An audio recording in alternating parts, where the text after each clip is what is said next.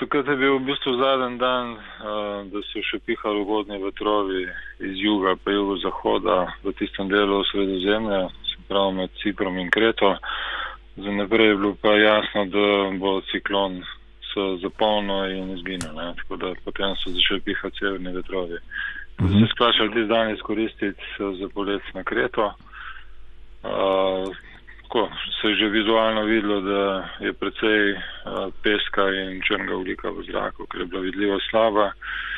Ampak uh, odkrite naprej uh, je pokazal na močne severne vetrove, tako da sem poletel domov, ker ni bilo nobene perspektive, da bi se v kratkem pojavil kakšen ciklon. Uh mhm. -huh. In namreč čak, čakamo ciklone relativno močno, nekaj se naredijo nekje nad Atlantikom in se potem pomikajo proti vzhodu, zdaj odvisno, kje gredo. Ne. Če gredo dosti nizko, da čez Afriko, potem se pojavijo ti ugodni vetrovi.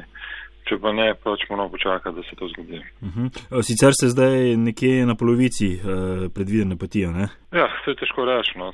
Po, po planih nekje na polovici. Ne. Uh -huh. uh, vedno pa prilagajamo uh, trenutnim razmeram. Tako da, če se bo pojavil še kaj, kaj zanimivega, bomo pač dodali. Uh, V glavnem nas pa zdaj čakajo uh, meritve v Alpah in ozad v centralni Evropi. To se pravi, da čakamo predvsem močni ciklon, da porine vse skupaj do, do Alp. Ne. In potem lahko uh, strokovnjaki za rosola kvantificirajo, koliko je črnega vlika, koliko je saharskega peska in koliko je v bistvu antropogeni prispevek. Uh, pospeševanju telena ledenikov, ki je pa naravni. Kako pa je z meritvami ne? na Twitterju? Ste eh, na začetku poti objavili rezultate prvih preliminarnih vrednosti meritev črnega ulika? Ja, ravno včeraj smo delali servis na motorju ne? in so res vid, da je letalo letelo v precej umazanem zraku oziroma je zelo, zelo zaprašen, ne? zelo umazan motor, kar nekaj dela. Ne? In to kaže na to, ne, da če eh, tam, kar smo pričakovali, oziroma tam, kjer je bila vidljiva slaba, eh, ki se je že vizualno videla, dejansko so bile koncentracije zelo visoke in v skladu z gibanjem vetrov. Se pravi, če je bil veter napovedan, močan južni, jugozahodni, nekje nad Tunizijo, na 70 delu, dejansko so se pokazale velike koncentracije. Ne.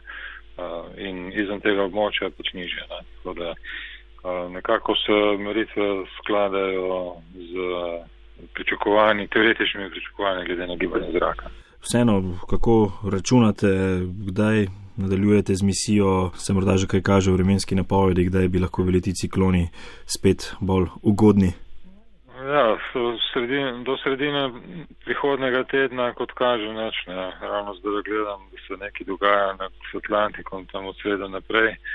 Zdaj pa odvisno. Zaenkrat kažejo, da se bodo ti vetrovi sicer pomaknili nad Alžirijo, ampak bodo predvsej jugozahodni, tako da znajo obiditi Alpe. Zaenkrat, ko kaže. Ne. Bomo videli, no? ker napovedi več kot kar en teden naprej, par dni so zelo nezanesljive. Ne. Tako da moramo biti skozi na stand-byu in prilagajati našurnik meritvam.